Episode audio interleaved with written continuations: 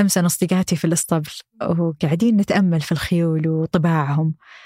وكيف إنه في بعض الخيول إذا من زمان ما ركبتيها آه، تصير صعبة في الركوب عنيدة إيه، جلفة كذا أيوه تطيحك. فيحتاج لها ترويض عشان تصير جيدة في الركوب مرة ثانية. فما تتركين الخيل فترة طويلة من دون ترويض لأنها خلاص تفلت. فقعدنا نتأمل شلون أن النفس تحتاج ترويض مثل الخيل. شلون تروضين الخيل؟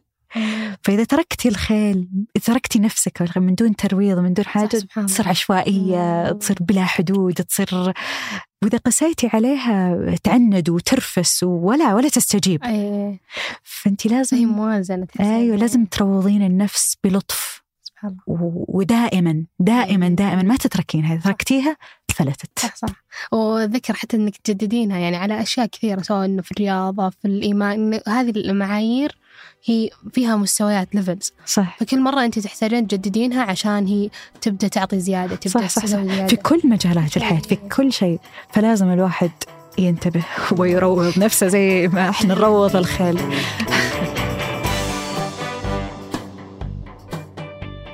هذا بودكاست الفجر من ثمانية. بودكاست فجر كل يوم نسرد لكم فيه سياق الأخبار اللي تهمكم. معكم أنا رولا عبد الرحمن وأنا ديما العامر.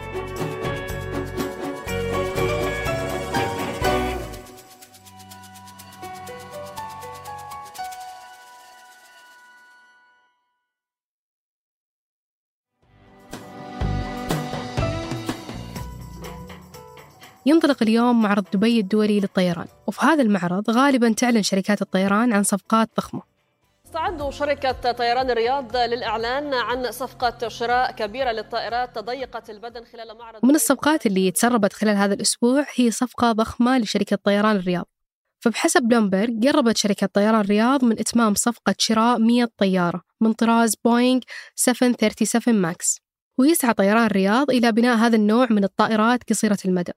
ومن وقت الإعلان عن شركة طيران الرياض في مارس هذا العام وهي تحاول بناء أسطولها. فأتمت في مارس الماضي صفقة مع شركة بوينغ الأمريكية لشراء 39 طيارة من طراز بوينغ 787 دريم لاينر مع خيار شراء 33 طيارة إضافية من نفس الطراز. ومن المقرر أن تبدأ عمليات تسليم الطيارات في أوائل عام 2025 أما بالنسبة للصفقة الجديدة فهي بيعلن عنها في هذا الأسبوع. وقال توني دوغلاس الرئيس التنفيذي لشركة طيران رياض سنعلن عن الصفقة الضخمة خلال هذا الأسبوع وهي إما ستكون من نصيب شركة إيرباص أو بوينغ وبحسب الإعلان الرسمي عن شركة طيران الرياض كان الهدف منها هو ربط الرياض بباقي العالم بدال ما تصير مركز عالمي للعبور بس. وبيتم ربط الرياض مع أكثر من 100 وجهة حول العالم بحلول 2030 أول وجهات طيران رياض بتكون إلى المدن الرئيسية في أوروبا والمناطق المطلة على الساحل الشرقي للولايات المتحدة وكندا. ومن المقرر بعد انطلاق الرحلة الأولى في الربع الثاني من عام 2025 والسؤال المهم الحين كيف بتنجح شركة طيران الرياض في ظل قوة المنافسة في قطاع الطيران الخليجي؟ والسؤال الثاني الأهم ليه أطلقت السعودية شركة طيران جديدة وعندها شركة الطيران الوطني اللي هو الخطوط السعودية؟ دوغلس أوضح في تصريحات نقلتها فاينانشال تايمز أن الشركة لن تستخدم أسطولها الضخم لمنافسة طيران الإمارات أو الخطوط القطرية وطيران الاتحاد بشكل مباشر. في تصريح سابق لوزير المالية السعودي محمد الجدعان لوكالة فرانس بريس قال جدة وحدها بحاجة إلى شركة طيران تركز على الحج والعمرة وبالتالي في حاجة إلى شركة طيران ثانية تركز على الرياض. وتحدث وزير النقل والخدمات اللوجستية المهندس صالح الجاسر عن نفس النقطة وقال طيران الرياض مركز عملياته في الرياض وبيربط الرياض بمدن السعودية والعالم. بالمقابل الخطوط الجوية السعودية بتربط جدة بالسعودية والعالم.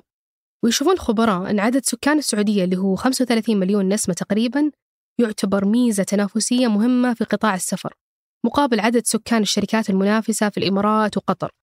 كمثال لو بنشوف عدد المسافرين في السعودية فبحسب الهيئة العامة للطيران المدني في السعودية بلغ عدد المسافرين خلال الأربع أشهر الأولى من العام الحالي حوالي 35.8 مليون مسافر داخليا ودوليا. بالمقابل بلغ عدد الرحلات حوالي 263 ألف رحلة تقريبا. تتجه السعودية مؤخرا نحو خطوة تعد الأولى من نوعها في عالم صناعة الحج والعمرة مستهدفة 35 تصريحات الوزراء السعوديين عن الرياض وجدة كمراكز رئيسية تنطلق من خطط السعودية لتطوير قطاع الحج والعمرة. الهدف المعلن هو زيادة أعداد الحجاج والمعتمرين إلى 30 مليون شخص سنويا. هدف طموح مثل هذا يحتاج إلى شركة طيران تركز على هذا الهدف وهي شركة الخطوط السعودية الحالية. بينما شركة طيران الرياض هي اللي بتربط الرياض مع العالم. هذه الخطط الطموحة كان لها داعمين. فبحسب مجلس المطارات الدولي يتوقع أن تشهد مطارات المنطقة 1.1 مليار مسافر بحلول عام 2040 في مقابل 405 ملايين في عام 2019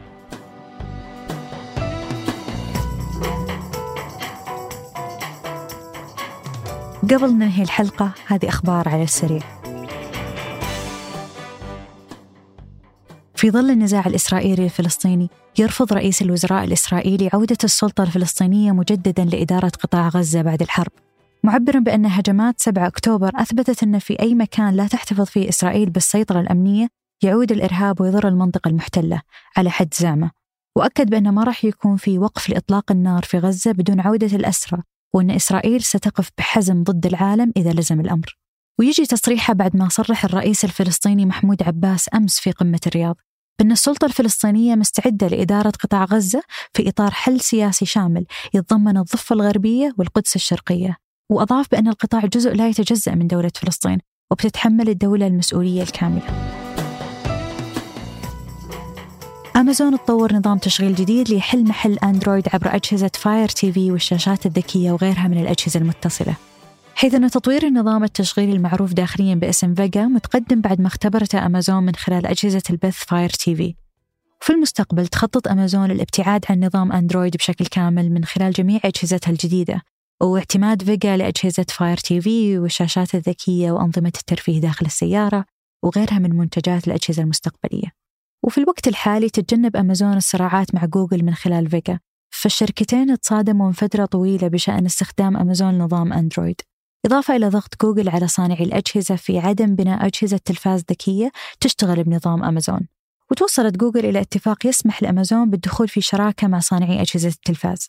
مع أنه تخلص عمالقة التجارة الإلكترونية من أندرويد يعطيهم سيطرة أكبر على مصيرهم. وفي السعودية شركة البنية التحتية للمركبات الكهربائية تطلق EVIQ كاسم تجاري رسمي لها في السوق. واللي تدعم التحول نحو السيارات الكهربائية في السعودية من خلال توفير بنية تحتية تعد الأفضل من نوعها وإنشاء شبكة وطنية من نقاط الشحن السريع. وبرضو تمكين وتشجيع استخدام المركبات الكهربائية في كل أنحاء المملكة بالتماشي مع أهداف المملكة للاستدامة. وتهدف EVIQ إلى تعزيز نمو قطاع المركبات الكهربائية في السعودية من خلال التعاون مع الشركاء المحليين في مجال التركيب والصيانة بهدف بناء أساس قوي للقطاع يساعد على رفع نسبة استخدام المركبات الكهربائية بين أفراد المجتمع السعودي وجعل القطاع أكثر جاذبية للمستثمرين في قطاع المركبات الكهربائية.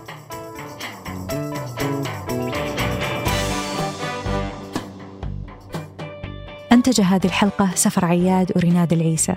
قدمتها أنا ديما العامر. وأنا رولا عبد الرحمن. وراجعها وحررها محمود أبو ندى. شوفكم بكرة الفجر.